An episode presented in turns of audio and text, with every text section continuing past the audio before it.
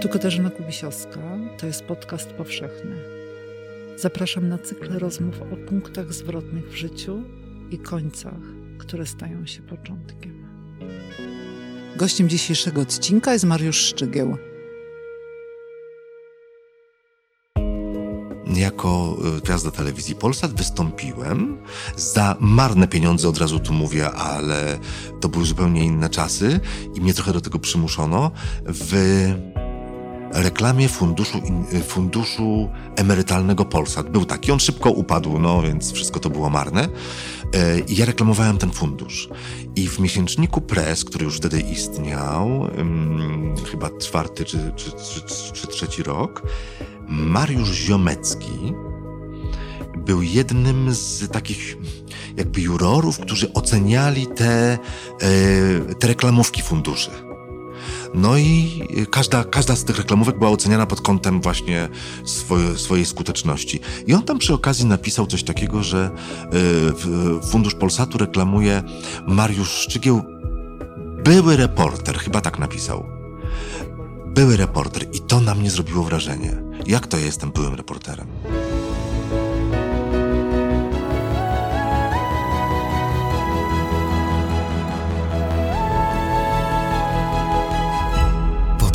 Tygodnika Powszechnego. Weź, słuchaj. Katarzyna Kubisiowska. A tu Mariusz Szczygieł. Ja wiem, że to ciężko wypowiedzieć, bo tam są, to, to esz jest na końcu i esz na początku, nie?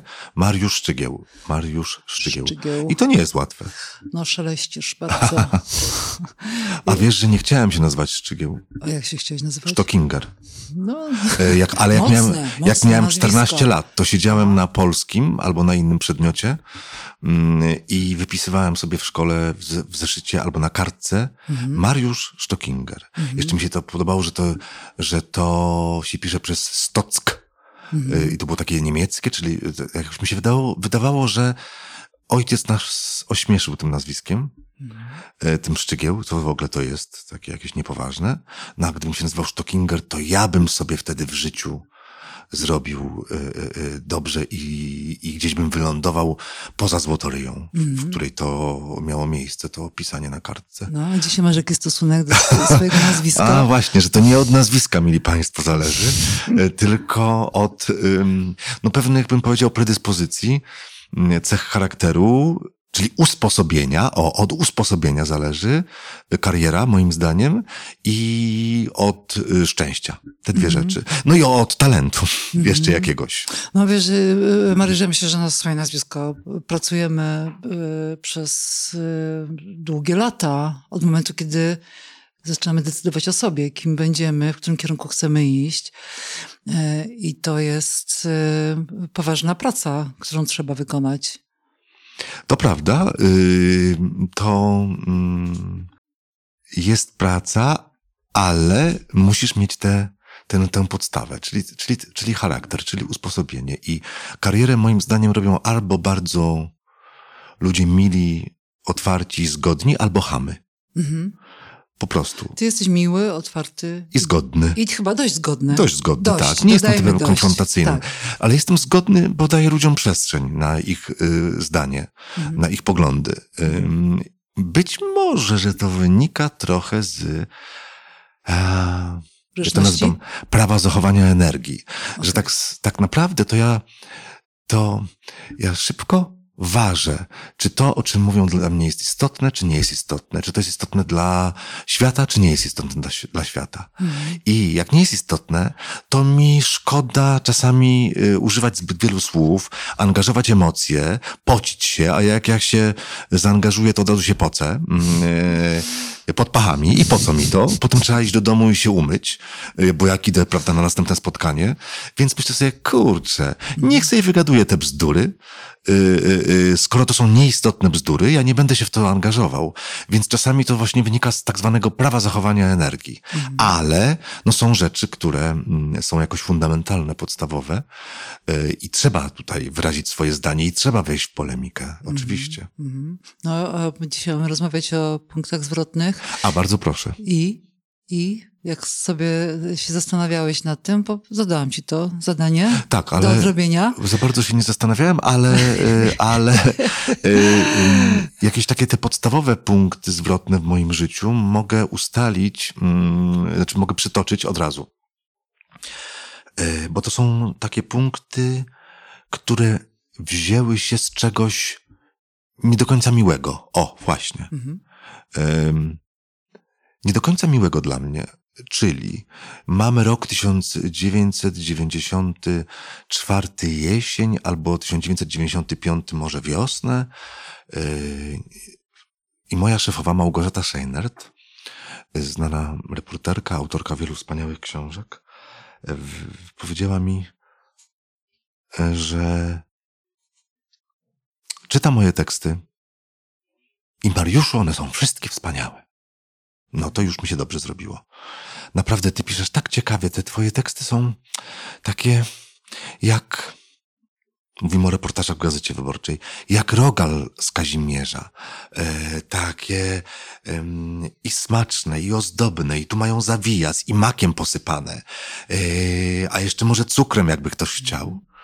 Ale wiesz, Mariuszu, ten, te teksty są zawsze tak samo wspaniałe.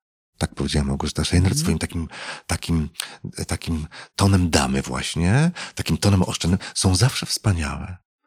I ja tak marzę, żebyś ty napisał tekst, który może być gorszy technicznie, gorszy formalnie, mm. ale żeby on nie zaskoczył. Bo ty mnie w ogóle nie zaskakujesz. Czyli byłeś takim prymusem. Tak. Mm. Ty piszesz ciągle tak samo. Mm. No i co ty zrobiłeś? O Jezus. No i rozumiem, co się działo w twoim wnętrzu. Wiesz, w moim wnętrze to, w moje wnętrze to właśnie głównie reaguje tutaj, wiesz, tutaj od... Okay. Y, klatka piersiowa. Tak, klatka piersiowa, brzuch jelita. Mhm. No wiesz, bo dostać komplementem w twarz, nie? Znaczy dostać dobrym słowem w twarz, prawda? No, paskiem, z, y, świadectwem z czerwonym paskiem. Tak, paskiem ze świadectwa z mhm. czerwonym paskiem. O! Mhm. I Y, no i przyjąłem to jakoś yy, i pomyślałem dłużej i wyszło na to, że ja nie wiem, jak mam pisać inaczej, bo ja mhm. inaczej nie umiem. No i stała się taka rzecz, że w tym czasie pewien gość, który wrócił z Ameryki, reżyser telewizyjny i też trochę filmowy, mm, jechał samochodem i przesuwał się na radiowej skali. Jeszcze wtedy pokrętłem, bo to były lata dziewięćdziesiąte.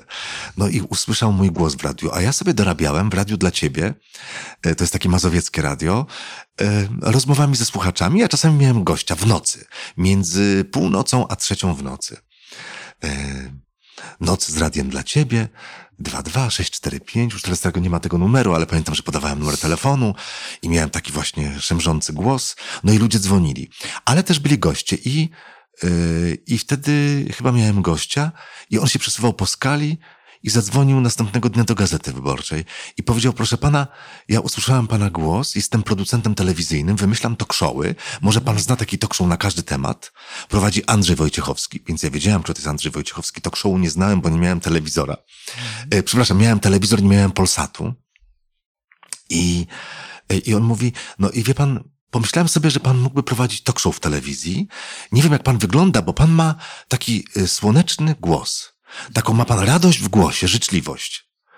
E, no i, mm, i tak trafiłem do telewizji, e, porzucając gazetę dość szybko. Poczekaj, to było już po tym, jak ci powiedziałam, tak, Marta Szejnet, ale że jesteś... ja bym nie porzucił, te, ja tak. w ogóle nie miałem ochoty pracować w mhm. telewizji.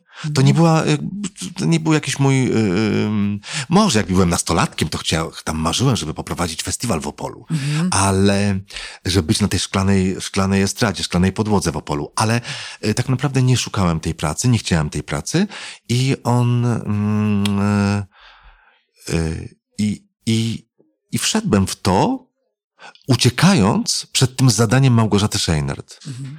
I to był punkt zwrotny. Bardzo dobrze się stało, dlatego że praca w, w telewizji i przerwa w pisaniu sprawiła, że kiedy wróciłem do pisania mhm. w roku 2000 pierwszym, pierwszym drugim, tak, tak. Mhm. to już pisałem inaczej.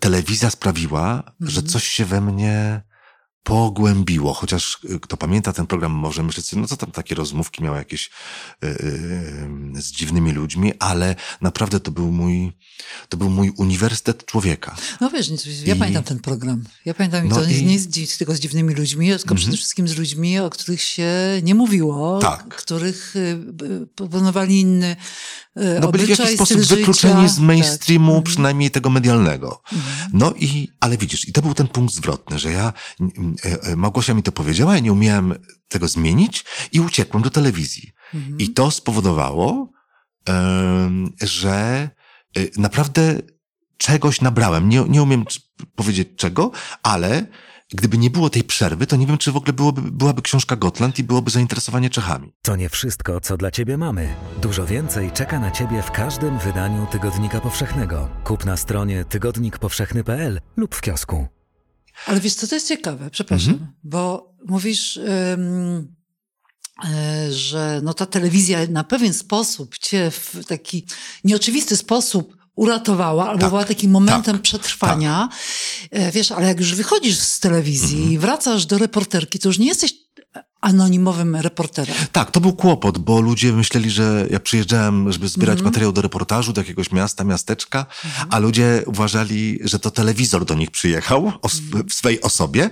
No i zamiast, wiesz, y, y, y, jakaś moja bohaterka czy rozmówczyni, zamiast y, porozmawiać ze mną po prostu u siebie w domu, przy ławie na fotelu, y, zapraszała trzy sąsiadki, one przynosiły ciasto, no i była rozmowa ze mną jako z y, celebrytą ale zainteresowałem się Czechami, gdzie I mnie nie znał. To jest bardzo sprytne Gdzie było. mnie nie znał nikt. No o, nie znał mnie tam nikt. W związku z tym nie mm. miałem tego telewizyjnego garba na sobie.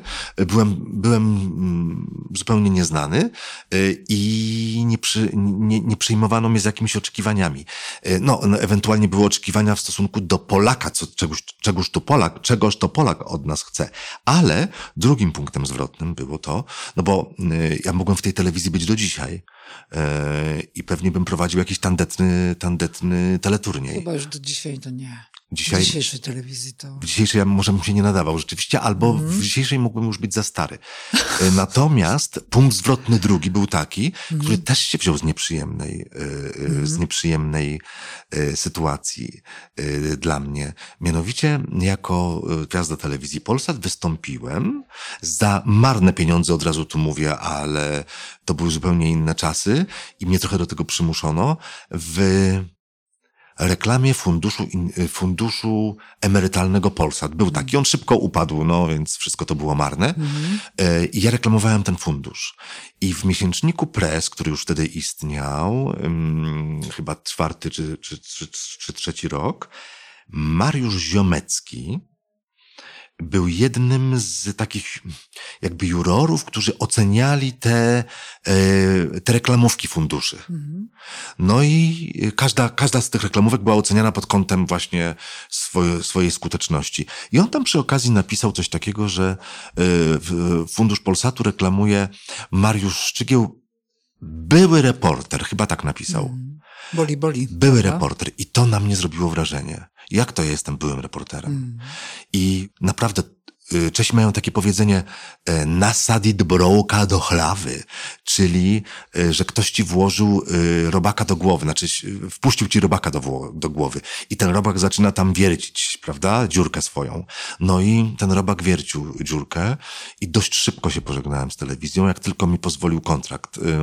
Ciągle mając na względzie to, że ja chcę wrócić do reportażu. Mhm. A ponieważ w tym, w 2001 udało mi się wydrukować taki reportaż reality o pewnej mhm. kobiecie z Krakowa, która notowała każdą banalną czynność w swoim życiu. Hmm.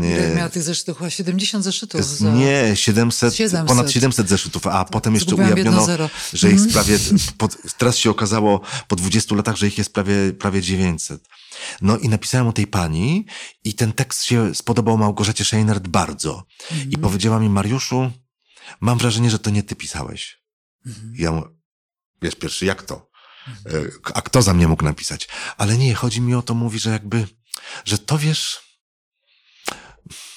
zupełnie pisała inna osoba niż, niż ten Mariusz, który wtedy odszedł z gazety w 95 czy 6. Mhm. E, jakby ktoś tobą pisał, wiesz, to, to było jakieś natchnione, powiedziała mi Małgosia.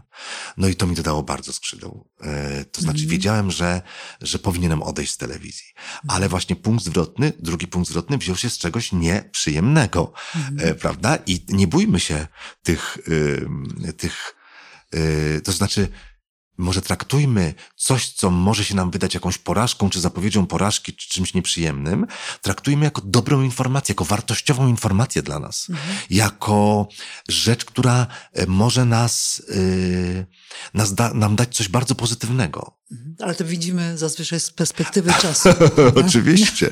No ale po to rozmawiamy w Twoim tak. podcaście, żeby ci, którzy nie mają czasu na perspektywę czasu, mm. żeby może wzięli sobie to do serca.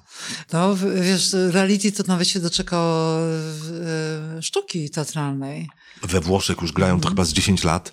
Nagradzana sztuka bardzo mm, przez dwoje aktorów grana, mm, też się nazywa reality. No to w ogóle jest wspaniałe, że wiesz, że, że dzięki reportażowi życie kobiety, która y, no miała po prostu banalne życie, y, mhm. ale prawdopodobnie nie chciała przejść, przez, e, e, przejść bez echa, no bo po coś te banały notowała, mhm. że dzięki reportażowi nagle to trafia do jakiejś innej części świata mhm. i tam ludzie y, znajdują w tym coś dla siebie, coś uniwersalnego. No i wchodzi taki, na taki poziom meta, prawda? Tak, tak, to jest naprawdę, to zawsze robi na mnie jakoś, jakoś wrażenie, że, Mm, no, mhm. czyli, czyli porażka jako przygoda, tak? No, ja myślę, że porażki jako... nas budują. Je tak. Jeżeli je dobrze, dobrze je strawimy i dobrze je przepracujemy. No, no ale to też jest trochę, jak powiedziałeś na początku, trochę szczęścia tutaj jest znak potrzeba. No, uważności szczęście. i chyba odporności psychicznej. A też yy, zdystansowanie się do swoich ambicji. Bo tutaj. A to bo, o, jak dobrze, że to powiedziałaś. Nie wolno się napinać, naprawdę, mm. nie napinajmy się. Mm. To jest, bo jak. I ja widzę po koleżankach i kolegach, ci, którzy się bardzo napinają, mm. żeby dostać jakąś nagrodę, albo y, zostać uznanym, albo żeby w czymś być tam pierwszym, to im się to nie udaje. A mhm. udaje się częściej tym, którzy po prostu robią swoje, bo mają potrzebę mm, e, e, taką, żeby zrobić właśnie to, a nie coś innego. Imperatyw kategoryczny. Tak, Muszę tak, to zrobić. Tak, jest to organiczne. Tak, nie jest to innej, organiczne, tak. a, a wszystko inne przyjdzie potem. E, a jak nie przyjdzie, to mhm. też nie mamy mm, wtedy jakoś specjalnie pretensji, czy nie jesteśmy sfrustrowani, dlatego że mm, no nie, na, nie napinaliśmy się, no po prostu chcieliśmy coś zrobić dla siebie i zrobiliśmy to. Więc to już jest to, to już jest to maksimum, zrobić to dla siebie, bo chciałem. Mhm. A jeśli przyjdą frukta potem i splendor, no to tylko jest dodatkowa wartość. Mhm. Ale jeśli coś się robi dla splendoru, dla, no to naprawdę nie ma żadnego sensu. Nie. Mhm. A trzeci punkt zwrotny? Y, trzeci punkt, oj, to było mnóstwo różnych punktów zwrotnych. Um, trzeci punkt zwrotny. To chyba był, był, był taki, taki punkt, który może wydał się banałem mi wtedy, ale to już nie był, to, to już nie było coś, co, y, to już nie była negatywna czy tam powiedzmy krytyczna informacja pod moim adresem, która do mnie przyszła. Nie. Tym punktem zwrotnym y, było to, kiedy w styczniu 22 roku, to jakoś było zimą, pojechałem do Muzeum Sztuki Nomus, żeby rozmawiać z artystką Anną Orbakowską, która wykonała piękny piec w holenderskim stylu, takim XVIII-wiecznym, z kaflami, takimi białe kafle majolikowe, tym kobaltowym kolorem, e, e, różne wzorki zrobione i na tym piecu ona wymalowała różne traumy swoje życiowe. E, czyli z daleka widzimy piec, który się kojarzy z czymś takim pozytywnym. Do którego z, chcemy się przytulić. Do którego się chcemy przytulić. Zresztą ten piec grzeje nawet. E, piec, który się kojarzy z ogniskiem domowym. Mm. Jakieś obrazeczki widzimy. O, to sobie zobaczę, co tam jest. I nagle widzimy obrazeczki, ale obrazeczki z jej życia, właśnie z życia tego domowego ogniska, które potrafi poparzyć. I, no i zacząłem rozmawiać, ale ale pomyślałem sobie, że jest to jakaś taka sytuacja przemocowa z mojej strony jako reportera, bo tak, e, poznaliśmy się 14 minut wcześniej na dole tego muzeum. Artystka mnie przeprowadziła pod ten piec, gdzie namalowała to, czego sama nie może wyrazić, ust, znaczy, u, yy, werbalnie, w sensie, w sensie opowieścią, czy też słowami. Więc namalowała, nam, i nagle ja jej każę na ten temat mówić. Yy, czyli przyjechał obcy facet, którego widzi pierwszy raz i ten facet ma, yy, ma jej, yy, ma, chce ją zmusić do jakichś intymnych wyznań, co jest na tym piecu. Czyli ona to namalowała, żeby nie mówić, a, a, a ktoś taki tutaj dla wysokich obcasów ekstra chce zrobić, yy, mieć wypowiedź o tym, no co to jest, prawda? Co tam pani namalowała? No i yy, stała się taka sytuacja, że, że yy, odwróciliśmy się do tego pieca, a zauważyłem, że często jak ludzie nie muszą patrzeć mi w oczy, mi jako reporterowi, Mhm. Tylko mogą sobie patrzeć gdzieś tam w ścianę, w okno, w róg pokoju, w róg sufitu, e, to, to mówią więcej. Ja wcale... Dlatego najlepiej się rozmawia, słuchaj, w aucie, jak tak, jedna osoba kieruje. Oczywiście, tak, druga. zgadzam się, zgadzam mm. się.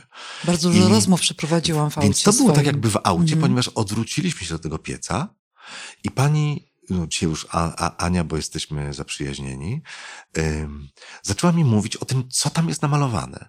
I myślę sobie, o jaka to ulga, y, że, o, że, ja, że ona nie musi mi patrzeć w oczy. No i rzeczywiście zaczęła opowiadać. I ja z tej wdzięczności, mm, ale też, żeby ją ośmielić, zacząłem mówić o sobie. Mhm. Że też mam takie rzeczy, których nie umiem powiedzieć publicznie. To znaczy, to, że jestem gejem, no to ja mówię moim znajomym, o właśnie pani to mówię, mhm. że jestem gejem, ale nie umiem tego powiedzieć w żadnym wywiadzie telewizyjnym. Yy, nie umiem, yy, znaczy nie umiem tego powiedzieć yy, w żadnej sytuacji publicznej typu spotkanie autorskie, a co dopiero w wywiadzie telewizyjnym. Mhm. Ale w moim życiu wszyscy o tym wiedzą, natomiast publicznie mam kłopoty i z tego się jej zwierzyłem. Mhm. A w końcu powiedziałeś, to było pod, pod wpływem tej rozmowy, czy napisałeś w swojej książce Jakby jakoś? Potem, mhm. Y, kilka, ze trzy miesiące później, y, musiałem napisać rozdział o rozmowie mhm. w książce Fakty muszą zatańczyć.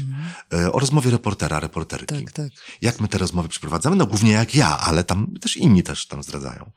No i i właśnie chciałem napisać o tym, że nie zawsze sobie trzeba patrzeć w oczy. Mhm. Tylko, że właśnie dobre jest to, żeby być obok siebie. E, nawet kiedyś Hanna Kral opowiadała, że pewna bohaterka jej najwięcej powiedziała, kiedy właśnie nie, nie, roz, nie siedziała naprzeciwko siebie, mhm. tylko kral siedziała na krześle, a bohaterka myła okno. Mhm. I że podczas tego mycia okien powiedziała jej najwięcej, bo właśnie mhm. nie musiała tak na nią patrzeć, nie czuła się przesłuchiwana może. No, a to też jest taki, wiesz, stopień no. już takiej intymności, że ona jest trudna do wytrzymania. Tak, sobie ludzie tak, patrzą w oczy tak, i jeszcze mówią. Tak. No i i, i to, i te, zmierzam do punktu zwrotnego, bo tym punktem zwrotnym było to, że ja to postanowiłem napisać w książce, mm. czyli dokonałem tego coming outu publicznego, którego nigdy nie mogłem dokonać, z różnych życiowych powodów, z bardzo różnych. To złożona historia ale dokonałem tego w mojej własnej książce, tylko nie wprost. Mili, mm. miłe moje czytelniczki, bo ich mam najwięcej, i mili moi czytelnicy, powiem wam szczerze, jestem gejem, chociaż oczywiście pewnie się część domyślała albo wiedziała. Mm.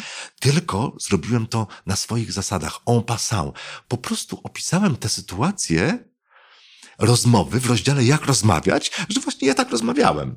I nie, bez robienia specjalnego, mm, specjalnego tutaj jakiegoś... Yy, show. Tak, show, jakiegoś aj nie wiadomo co tu się wydarzyło. Boże, jaka yy, historia. I to jest siła tego fragmentu. Ogromna. Tak? Mhm. No dziękuję. W każdym tak, razie... bo on jest właśnie, on jest po prostu jako coś naturalnego. Przychodzi I, do opowiedzenia. Tak. I, mhm. i, I ja sobie wyobrażałem, że E, zanim ktoś to przeczyta, no bo ta książka dosyć gruba, właśnie najgrubsza moja książka to jest o reportażu, a nie reportaże. No tak, ludzie lubią mądrzyć, jak yy, yy, przejdą przez pięćdziesiątkę.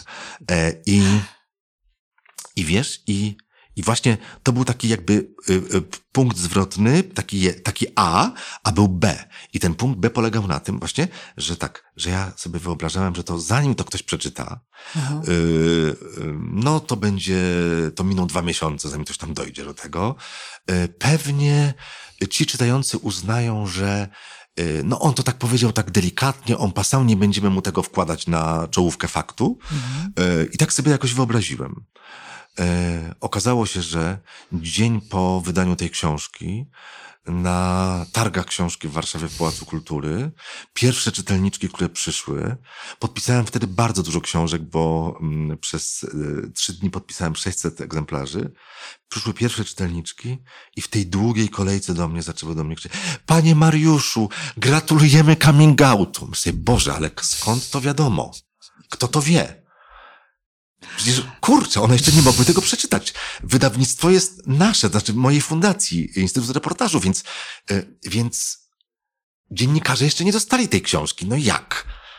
E, już to wiedzą. To jest, to jest niemożliwe. Julianna Jonek, Splinger, redaktorka tej książki, przecież tego nie wyjawiła, nie chodziła po gościńcu i nie mówiła o tym. Podoba Ci się podcast? Słuchasz go bezpłatnie dzięki patronom i patronkom podcastu Tygodnika Powszechnego. Sprawdź korzyści na patronite.pl. No i co się okazało? Właśnie te, autorem tego punktu zwrotnego był kolega, który zrobił coś przeciwko mnie. Mhm. Właśnie następna rzecz przeciwko mnie, która świetnie się skończyła. Jestem mu bardzo wdzięczny, ale, ale wtedy jeszcze przez chwilę udawałem, że jest przeciwko mm. mnie. Czyli znowu jakaś negatywna rzecz przy punkcie zwrotnym. Otóż Wojciech Szot, mm. który wtedy był sekretarzem naszej redakcji, naszego wydawnictwa, e, no to troszkę przemoc, no, był, był to rodzaj przemocy. Wyciągnął ten fragment. Wyciągnął tej, ten fragment mm. i wysłał do pisma Replika, które jest, e, które jest pismem kampanii mm. przeciwko homofobii. Replika lubi mieć e, e, różne takie ciekawostki na Facebooku. I oni z tego zrobili rano przed tym, przed tym, przed tymi targami. Ciekawostka na Facebooku. Tak, i Facebook o tym wiedział. Ja o tym nie wiedziałem. No i się dowiedziałem na targach. I, i tak jeszcze przez chwilę w tej kolejce, mhm. przez chwilę jak podpisywałem te książki, myślałem, kurczę, ten Wojtek, no ale to, to jest hamstwo, to jest po prostu okropne, co mi zrobił. Mhm. Ja przestaję panować nad sytuacją, a ja nie lubię e, przestawać panować, panować nad moim życiem. Mhm. I no ale w miarę jak ta kolejka była przychylna, jak jeden pan, nawet dosyć przystojny, nachylił się nade mną i powiedział, jestem panu, tak dość cichutko do ucha, jestem panu bardzo wdzięczny za to, co pan zrobił. I oczywiście w kolejce nie miałem e, okazji pytać, dlaczego on jest wdzięczny. Rozumiem, że to coś mu tam też robi to, że, że, że... No i pomyślałem sobie, kurczę, to chyba dobrze się stało. Mhm. No i dzisiaj, od tego momentu minęło, mamy czerwiec, a to był koniec y, maja, mamy koniec czerwca, nie wiem kiedy wyemitujesz ten podcast, pewnie lipiec, mm. no to minął rok i miesiąc i myślę sobie, że ja jestem dopiero rok i miesiąc jestem wolnym człowiekiem. Mm. Tak naprawdę. W... Jestem, tu mam dwa pytania. Bardzo Pierwsze proszę. jest takie, co ty poczułeś w momencie, kiedy to napisałeś? Pamiętasz te uczucia? W momencie nie jeszcze już kiedy książka... To kiedy to jeszcze było u mnie w komputerze. Tak. E, no, e, wracałem do tego fragmentu kilka razy i zastanawiałem się, czy to zrobić, czy nie. Mhm. E, wysłałem to moim przyjaciołom, ten fragment. Jeden przyjaciel, Damian, stwierdził, że tak, świetnie. Mhm. Świetnie, świetnie, to będzie bomba. To mnie trochę przeraziło, kiedy powiedział, że będzie bomba, ale powiedział tak, zrób to tak, na swoich zasadach. No i wysłałem mojej przyjaciółce Juliannie Jonek, Springer, mhm. i ona powiedziała, że to ode mnie zależy, ona, że ona nie może mi powiedzieć, e, czy tak, czy nie. I jednocześnie powiedziała, że nie bierze za to odpowiedzialności, tak, co się będzie działo później. Tak, tak, ale też to jest dobre, dlatego że no jednak... Mm, my radząc się innych, mhm. często chcemy podświadomie scedować odpowiedzialność też na nich, prawda? No tak, to ona mi tak dopowiedziała, yy, doradziła. On mi tak doradził, prawda? A tak mhm. naprawdę to musi być nasza decyzja. I Julia powiedziała tak, no ten tu mnie wzmocnił, Damian, a Julia powiedziała, to musi być twoja decyzja. Ale wracałem do tego i jeszcze, jak już książka była w korekcie, już była złamana, Mhm. I już na PDF-ie złamanym e, zaglądałem tam, jak to wygląda. Czy zostawić, czy nie zostawić. No ale potem sobie pomyślałem, wiesz co? Mhm. Jak ja to wyrzucę, to ja y, nie mam istotnego elementu mojego wykładziku o rozmowie. nie, już niech zostanie. Mhm. Wiesz, jak powiedziałeś um, o spotkaniu z tą e, kobietą, która pomalowała piec, piec tą artystką, swoje tak. tarmy, mhm. swoje, swoje, traumy, swoje traumy, tak. Swoje mhm. traumy, tak. Ciepły piec mhm. w traumach. Yy, I ty nie wiedziałeś w sumie, jak z nią rozmawiać, skoro ona już właśnie porozmawiała. Z tym piecem. Z, tym, z piecem znaczy, i z nami. Tym piecem, z nami tak. poprzez ten piec, tak. I teraz yy, tutaj ja sobie pomyślałam, to jest sytuacja, która przecież nie pierwszy raz się zdarzyła. I każdej osobie, która pyta, która rozmawia reporterce, reporterom, mhm. yy, dziennikarkom, dziennikarzom, że my musimy postawić pytanie, które w nas powoduje też jakiś dyskomfort, że my przekraczamy bardzo często, wcale nie rzadko, granice. I teraz jak ty jesteś w takiej sytuacji, kiedy ktoś właśnie, jak Wojtek Szop, mhm. jednym biorąc wyjmek z tak. twojej książki, ważny tak. wyjmek, mhm. Myślę, że to jest dobre doświadczenie. Dobre. Też dla reportera, prawda? Bardzo dobre. No. Dlatego, że masz rację, Powiem szczerze, że y, nie myślałem o tym tak i teraz dopiero mi to uświadomiłaś, że to jest podobna sytuacja, kiedy my reporterzy no gmeramy w tym życiu mm -hmm. cudzym i namawiamy, yy, mówię teraz o żyjących bohaterach, bo oczywiście nieżyjący to oni nie piszą sprostowań, ale namawiamy naszych rozmówców, nasze rozmówczynie do tego, żeby zostawmy to jednak w tym tekście. Ja wiem, że, że, to, że to jest trudne, ale pani Krystyno, bez tego, bez tego to przecież mm, nie ma pełnej prawdy. E, przecież to nie jest nic takiego, co pani. Mm-hmm. Oj, nie wiem, panie Mariuszu. Mm, mm, mm, e, no to jeszcze zostawmy to do jutra. No i potem ja jutro piszę, prawda, SMS-a do pani Krystyny. To co? Mogę puszczać?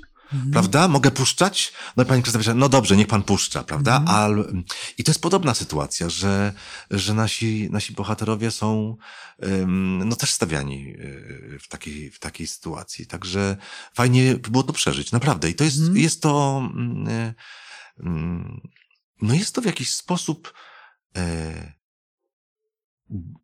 taki bym powiedział, doświadczenie w rezultacie krzepiące. O, krzepiące. Powiedziałeś więcej, że od tego czasu czujesz się wolnym człowiekiem. Tak. Co tak. to znaczy czuć się wolnym człowiekiem od tego momentu? A Wszystko wiesz, się złożyło? Takie y, y, co we, uwewnętrznione, ciche, skrywane, niewypowiedziane?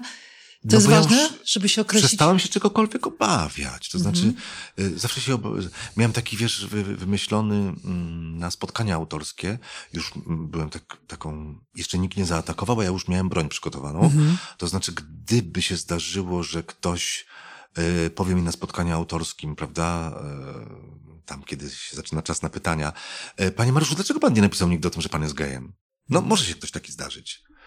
E, to ja miałem odpowiedź przygotowaną, że to albo to nie jest temat tego spotkania, albo, bo to nigdy nie było tematem żadnej mojej książki reporterskiej. Moim tematem są moi bohaterowie. Tak chciałem odpowiedzieć. Mhm. Ale to była taka odpowiedź, no taka z jednej strony prawdziwa, no bo to nie jest tematem spotkania i to nie jest tematem książki, ale jednak widzimy, że w jakiś sposób unikowa, prawda? No zdecydowanie, szczególnie, że też pisałeś tak. E, o... A, a o gejach pisałem gejach. całe życie no swoje. to chodzi. E, Jedne no. z moich pierwszych tekstów jako mm -hmm. nastolatka to było. Na poznałem, mm -hmm. poznałem chłopaka, który jeździł między Środą Śląską a Wrocławiem yy, i to w latach osiemdziesiątych yy, porzucił szkołę, porzucił mm -hmm. liceum i był prostytut, prostytutką męską. Mhm. I yy, to, to był chłopak w moim wieku i mnie to fascynowało, że jego nikt nie, no bo wtedy nie można było się nie uczyć za mhm. komuny, nie można było nie pracować, a on znaczy, był pracownikiem seksualnym, ale nie, nie pracował tak. dla PRL-u, prawda? I nie uczył się dla PRL-u.